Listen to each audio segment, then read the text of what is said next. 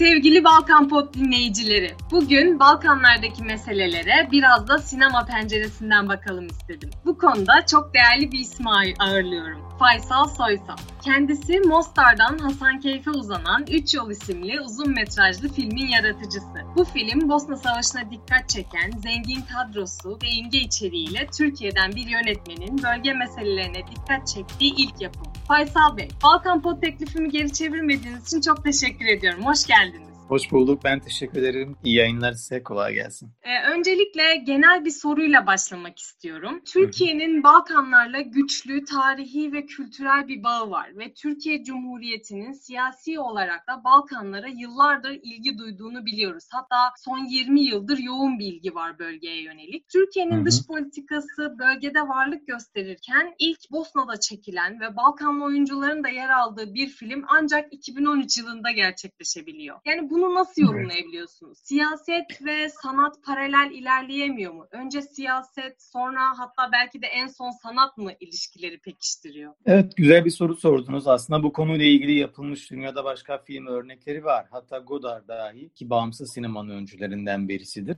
Gelip orada Mahmut Derviş'le birlikte bir film yaptı. Daha evvelden de Hollywood veya da Avrupa'da başka tanınmış yönetmenler de bu konuyla ilgili filmler yaptı. Türkiye'de maalesef sinema bu anlamda siyaset siyasetle de politikayla at başı yürümüyor ve işin ilginç yanı sinema e, politikacılarımız, siyasetçilerimiz e, sinemaya bizzat Türkiye'de de mesafeli konumdalar. Yani edebiyat ya da şiir, diğer sanatlarla ilişki daha erken sağlanmasına rağmen sinema ile ilişki bir anlamda problemli ve mesafeli. Maalesef siyasetçilerimizin, politikacılarımızın çoğu film izlemiyor diye bir genelleme yapabiliriz. E, bunun da etkisiyle ancak televizyon ve belgesel programları daha fazla bu konularda yapıldı. E, ama üç yıl dışında da mesela Srebrenica sahneleriyle ilgili ilgili de ilk belgeselleri yine ben yaptım. TRT belgeseli ve El Cezire Türkiye. E, o konuda da mesela zayıf olduğumuz yerler vardı. TRT'nin bir kanalı vardı Balkanlarda yayın yapan. O bir takım programlar yapmıştı gerçi Srebrenica'da, Bosna'da ama biraz daha böyle sinema formunda daha estetik üzere diyebileceğimiz belgesellerin de aslında ilkini yine ben üç yoldan sonra yapma fırsatına eriştim. Yine bir diğer sebep de tabii ki ortak yapımların zorluğu. Üç yol filmi yine ortak yapımlar anlamında da iki ülke arasında yapılmış nadir filmlerden bir tanesi. Bunun dışında tabii ki Türkiye ile e, Almanya arasında, Türkiye ile küçük de olsa bu sene bir tane Gürcistan arasında e, bazı filmler yapıldı ama Türkiye-Bosna arasında 3 yıl bu anlamda ilk filmdi. Tabii benim de hazırlığım çok uzun sürdü yani. 2013'te çektim ama 2009'lardan itibaren ben çalışmaya, oralara gidip gelmeye, araştırmalar yapmaya başlamıştım zaten. Bir diğer mesele tabii ki Bosna'nın ekonomik olarak çok ciddi anlamda e, yoksun ve fakir olması ortak yapımlara kendi ülkelerinden herhangi bir para çıkaramamaları da etkiliyor olabilir. Biz haliyle bütün bu filmi kendi imkanlarımız, kendi bütçelerimizle yaptık. Yani Bosna'dan herhangi bir ekonomik katkı ya da yapımcı desteğiyle e,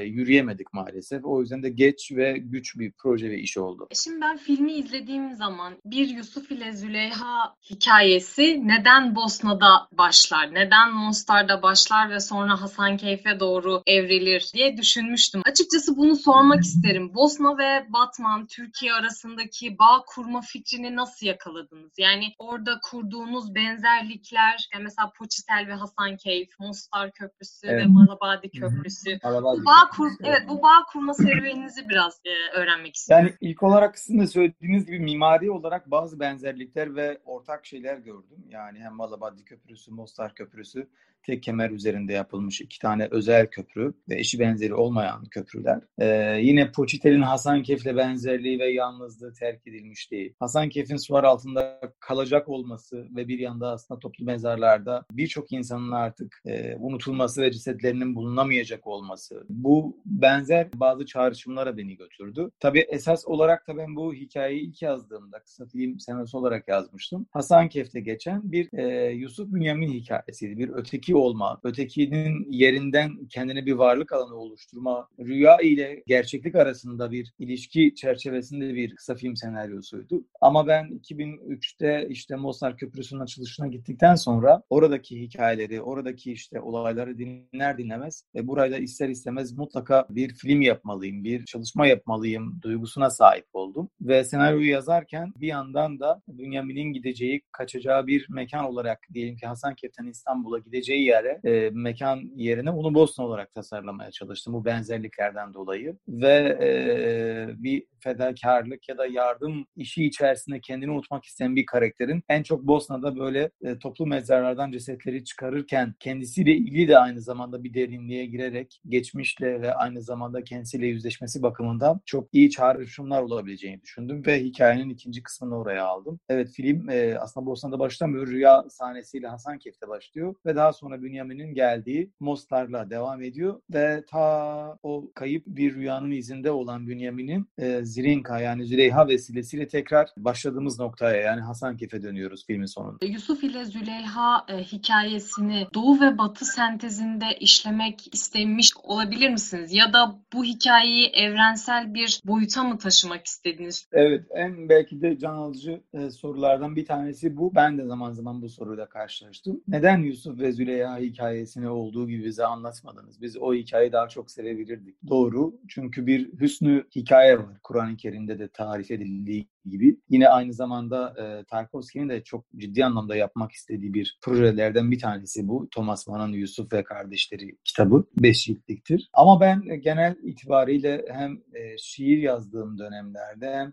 şiire ilgi duyduğum zamanlarda ciddi anlamda gerçeküstü serüvenden, gerçeküstü şiirden, biraz daha imgesel şiirden çok daha fazla haz ettim. Yani e, sinemanın da minimal veyahut da sade boyutuyla evet İran'da sinema master'ı yaptım ama e, esas benim sevdiğim şey yeniden yorumlayabilmek. Yani bunlar eskilerde kalmış, unutulmuş veyahut da var olduğu gibi yeniden e, revize edildiğinde, yansıtıldığında aslında etkilerinin korunduğu hikayeler ve yapılar değil. Bunları yeniden yorumlamak, çağdaş anlamda, modern anlamda anlamda sizin de söylediğiniz gibi Doğu Batı arasında belki de e, yeniden yorumlamak başka insanlara, başka kültürlere de yeni bakış açıları, yeni yorum imkanları verebilir. Bu sebeple ben e, doğrudan hikayeyi e, işte kardeşlerin Yusuf'a ihanet ettiği ya da onu işte kıskanarak kuyuya attığı değil de kuyusunu arayan bir Yusuf'la başlatıyorum. Kuyu taşlarla kapanmış. Çünkü kuyuya ulaşan birisi rüyasına ve gerçek ideallerine ulaşacak. E, ve hikayeyi de ters yüz ediyorum birçok yerde. Yani gömlek örneğinde olduğu gibi ya da pazarda işte satılan Züleyha örneğinde olduğu gibi. Bunları yeni ve şiirsel bir yorumla değiştiriyorum. Aslında yeni bir hikaye anlatıyorum. Tabii ki eski hikaye bilmenin de bu yeni yorumu anlamakta katkısı çok büyük. Bazı yabancı seyircinin özellikle Züleyha ve Yusuf hikayesini bilmeden buna baktıkları yerlerde bazı konuları anlamadıklarını görüyorum ben. Ama mesela Kazan'da, Rusya'da ya da İran'da bu film gösterildiğinde bu hikaye tanık olan bilen insanların daha rahat ilişki kurduğu ve bunu neden benim ters yüz ettiğim ve yeniden yorumlamak istediğimi e, anlama bakımından daha fazla şansları oluyor. Ama bunu bilmeyen insanlar da bunu yeni bir hikaye, yeni bir söylence olarak algılayıp Doğu Batı arasında bir e, aşkın veyahut da bir ilişkinin e, şiirsel bir dünyanın olduğu hissine kapılabilir. Filmde açıkçası benim çok etkilendiğim sahnelerden bazıları bu oğlunun bedenini bulmaya çalışan bir annenin hikayesiydi aslında. Evet. Ve burada filmde aslında Bosna Savaşı'na, işte bu toplu mezarlara, kayıp bedenlere, işte intiharlara, bu Zrinka'nın psikolojik olarak bununla girmesi vesaire. Bunlara hep değinmişsiniz. Hani savaşta yaşayan bireylerin derinden yaralandığı tüm duyguları bir anda anlatmanız, bir anda bize sunmanız ve bunu sizin çekmiş olmanız, bu sizi yormadı mı? Yani neydi film boyunca sizi duygusal olarak en zorlayan mesele? Evet, Hatice annenin, Hatice Mehmedoviç'in hikayesiydi bu. Srebrenica'daki e,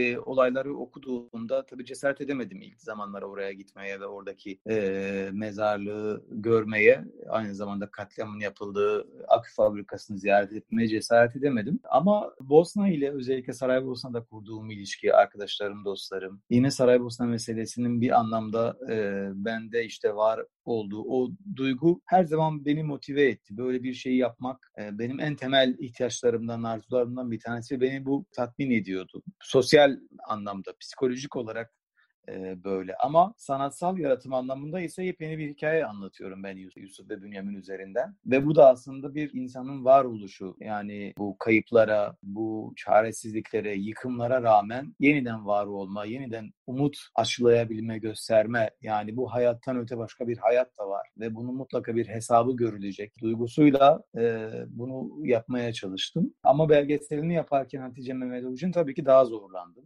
Bizzat çünkü kendisiyle tanıştım. Kendisi kendisiyle görüştüm. Kayıp Zamanlar bu arada belgeselin adı. El Cezire Türkiye yapmıştık. Srebrenica ve Prijedor'daki katliamları anlatan bir belgeseldi. Orada çok ciddi zorlandım. Özellikle montaj esnasında o hikayeleri defalarca dinledikten sonra ciddi anlamda psikolojik olarak çok e, bunalıma girdim. E, ondan sonra bir hastalığa da e, bulaştım. Belki de bir etkisi de bu olmuştu bilemiyorum şimdi siz söyleyince aklıma geldi. E, ama Kurmaca filmde hakikaten biraz daha ben yazdığım için, ben tasarladığım için bu söylediğimiz kısım hariç Hatice Mehmedoviç'in kendi çocuklarının kemiklerini bulması ve o şekilde gömmek istememesi durumu hariç motivasyonu biraz daha benimle ilgiliydi. Ama yine orası tabii ki çok e, özellikle o kemikler gerçek kemiklerdi. Bulunmuş kemiklerdi filmdeki yer. E, yapma kemikler değildi. Toplu mezarı yapma kemiklerden oluşuyordu. Biz getirmiştik. E, ama Bünyamin'in bu kemiklere bakarak not ettiği kısım tamamıyla gerçek insanların, gerçek boşnakların ve Müslümanların katledilmiş insanların kemikleriydi. O ortam bizi çok derinden etkiledi ve üzmüştü orada. Açıkçası ben de dinlerken üzüldüm şu an. Hikayeyi bildiğim ve bu konuları araştırdığım için hani Balkan coğrafyasını sevdiğim için de gerçekten ekstra üzücü açıkçası izlemek evet. ve dinlemek. Şunu da sormak istiyorum. Film çok dilli ve çok milletli bir film ve hani e, benim anladığım kadarıyla sizin e, şiirsel bir diliniz var. Hani filmde işlemeye çalıştığınız ve diyaloglarda geçirdiğiniz. Hı-hı. İşte bunları Boşnakçaya, İngilizceye uyarlamakta çok zorluk çektiniz mi? Bir de bu Bosna'da Bosnalı ekiplerle çalıştığınızı biliyorum ve Balkanlı oyuncularla zaten çalıştınız. Hı-hı. Tüm bunları evet. düşündüğümüzde işte teknik, maddi ve manevi bakımından sizin için nasıl bir süreç oldu? E tabii bir ilk film olarak bu kadar e, farklı dengelerin, farklı kalemlerin bir araya getirilmesi çok zor aslında. Yani sırf yönetmenlik açısından değil, yapımcılık açısından da çok çok zorlandım. Ve bu filmde maalesef yalnızdım. Yani hem yapımcısı hem yönetmeniydim. Yapım kısmı o kadar zorluyordu ki bazı yerlerde hakikaten yönetmenlik anlamda e, daha fazla tek almamız, çekim yapmamız gereken yerlerde yapamayabiliyordu e, oradaki şartlardan dolayı. Farklı dillerin olması da oyuncular arasında iyi bir korelasyonun, iyi bir dengenin kurulması bakımından bazı yerlerde bize sorun çıkarıyordu. Yani Arnavut oyuncumuz Türkçe biliyordu ama yine de yeterli anlamda birbirimizi anlayabilecek düzeyde Türkçemiz yoktu. İngilizce konuşmak zorundaydım ben. Hem onunla hem Zirinka'yla, Kristina Krepela'yla, Hırvat oyuncumuzla. Bunları bir araya getirmek, bunlar arasındaki ilişkiyi de doğru sağlamak tabii ki zaman isteyen ve aynı zamanda maddi anlamda ekonomik güç isteyen durumlardı. Tabii bizler iki ay çekime kala oyuncu kadromuz değişti. Aslında yine başka bir Hırvat oyuncu oynayacaktı filmimizde. Zrinka Svitesic. O oynayacaktı. Son anda işte bizim Türkiye'deki oyuncular programı değişince ve biraz da bizi yalnız bırakınca zorlandık ve bu sefer Zrinka ile çalışamaz duruma geldik. Çünkü onun Savaş ve Barış oyunu vardı. Biz ertelediğimizde onun oyununa denk geldi ve acilen başka bir oyuncu bulmak zorunda kaldık ve Kristina Krepela'yı bulduk. Yine Bünyamin içinde işte e, Nick Celile'yi bulduk Arnavut oyuncu. E, aslında o Türk bir oyuncu olacaktı. Mert Fırat oynayacaktı ama e, o dönemde tiyatro bu bahane ederek, başka proje bahane ederek maalesef e, bizi bırakmıştı ve çok zorlandık o süreci toparlamak bakımından. Ama bir şekilde siz niyet edince ve yola çıkınca işte yürüyor. Tabii bizim destekçilerimizin de e, bu anlamda tabii katkısı büyük. Öne, özellikle Türk Hava Yolları'ndan destek almamızın, yine Bosna'da TİKA'nın destek vermesi, oradaki konaklama ile ilgili ve ulaşımla ilgili katkıları, destekleri. Bu anlamda benim daha önceki e, Bosna'da, Saraybosna'da kurduğum ilişkiler ve arkadaşlarımın katkıları özellikle Bosna kısmının rahat geçmesine vesile oldu. E, ama Hasankeyf ve e, Malabadi, Batman, Üç yol buralarda yeni başladığımız için oyuncularımız işte yurt dışından gelip de e, adapte olamadıkları için birkaç gün sıkıntı çektik. Ama daha sonra işte e, yoluna girdi ve o çok dilliye rağmen e, yol almayı başardık. Tercüme kısmına gelecek olursak evet çok ciddi e, sıkıntılar oluşuyordu. Hem İngilizce tercümede hem Boşnakça, Boşnakça tercümede, altyazı tercümelerinde filmin gösterildiği yerlerde. Ama şu an filmin 9 tane, 10 tane altyazısı var. Yani birçok farklı ülkede gösterildi ve işte hem beğenildi hem ödüller aldı. Oralarda tercüme edildi. İspanyolcaya, Rusçaya, Arapçaya, Farsçaya, ondan sonra Arnavutçaya, Kosova'da ödül alırken. İngilizce zaten en başına itibaren vardı. Bu dillerde şu an bu film gösteriliyor. Ee, ve dediğiniz gibi 2013 yapımı olmasına rağmen geri dönüp bakıldığında bu konuyla ilgili yapılmış nadir filmlerden birisi. Hem Türk Boşnak ortak yapımı hem de iki ayrı ekip. Sadece oyuncular değil, teknik ekip de ayrı çalıştı Bosna'da. Işık ekibi, grip ekibi, görüntü yönetmenimiz Boşnak'ta zaten Şahin Sisic. Özel bir tecrübe oldu yani. E, ama tabii ki şunu söyleyebilirim. Bu bizim ikinci, üçüncü filmimiz olsaydı çok daha farklı tecrübelerle, çok daha özel katkılarla daha büyük bir film e, olabilirdi. Ama bu sefer de hikaye artık sıcaklığını ve tazeliğini kaybederdi. Nitekim bizim çalıştığımız sene ICMP e, neredeyse bir yıl ya da iki yıl içerisinde kapatıp gitmeyi düşünüyordu. Bilemiyorum şu an devam ediyor mu, etmiyor mu? E, biraz da hem e, destekleri azalmıştı hem de e, toplu mezarlardan kalan işte 9 bin insan kalmıştı. Onları bulmayla ilgili ümitleri azalmıştı. E, biz aslında daha çok doğuda yani Malabadi'de zorlandık. Çünkü beklediğimiz e, o baraj seviyesi beklediğimiz kadar az değildi. Su açılmak zorunda kaldı mesela bir iki sahnede. Biz suyun seviyesinin daha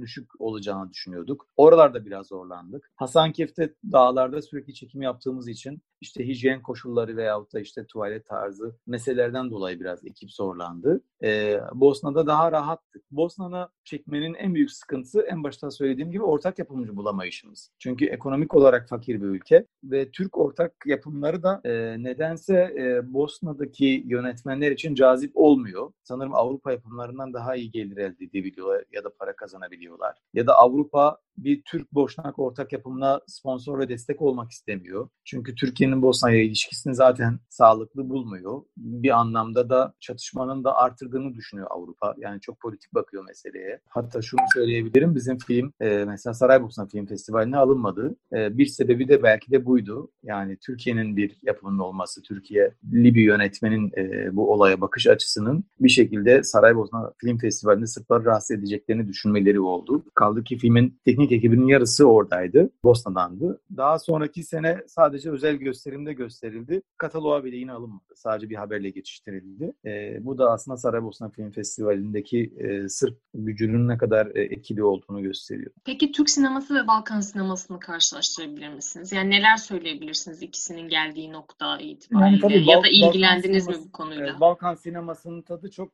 ayrı bir konu. Yani hem Makedon sinemasında çok iyi örnekler var. Yağmur'dan önce filmini hatırladığımda. Hem Sırbistan yani Belgrad sineması özellikle Emir Kustarica'nın filmleri. Bir de başka genç Sırp yönetmenler de var isimlerini şu an hatırlayamadım ama filmlerini çok beğendiğim. Circle diye bir film vardı mesela. Ama Bosna'da özellikle yine Ahmet İmamovic'in filmleri çok önemli filmler. Danis Stanovic'in ondan sonra Benjamin Filipovic'in filmleri çok özel filmler. Ademir Kenovic'in filmleri çok özel filmler. Bunları çok severek izledim zamanında. Ee, Ayda Begic'in filmleri ondan sonra e, Yasmina Banic'in filmleri. Bunlar çok özel filmler, iyi yönetmenler. Türk sinemasından bazı ayrıcalıkları var, öndeler ama bazı konularda da ayrılar. Çünkü Türk sineması sonuçta e, biraz bu memleketin sineması ve bu toprakların sineması. İster istemez bir tık Doğu felsefesi var ve aynı zamanda Doğu kültürü var. Ama Balkan'da hem Doğu hem Batı kültürü beraber var. Helenistik bir yapı var orada. E, biraz daha sert, biraz daha absürt, biraz daha trajikomik bir dünyası var Balkan sinemasının. E, ama biraz Türk sinemasının daha çok dramatik, e, bir anlamda da komedi üzerinden e, gittiğini söyleyebilirim. Teşekkür ediyorum Faysal Bey. Rica ederim Dilek Hanım. Ben teşekkür ederim. Ben, ben teşekkür ederim ilginiz için. Umarım e, faydalı olmuştur. Sevgili Balkan Pod dinleyicileri, haftaya görüşmek üzere.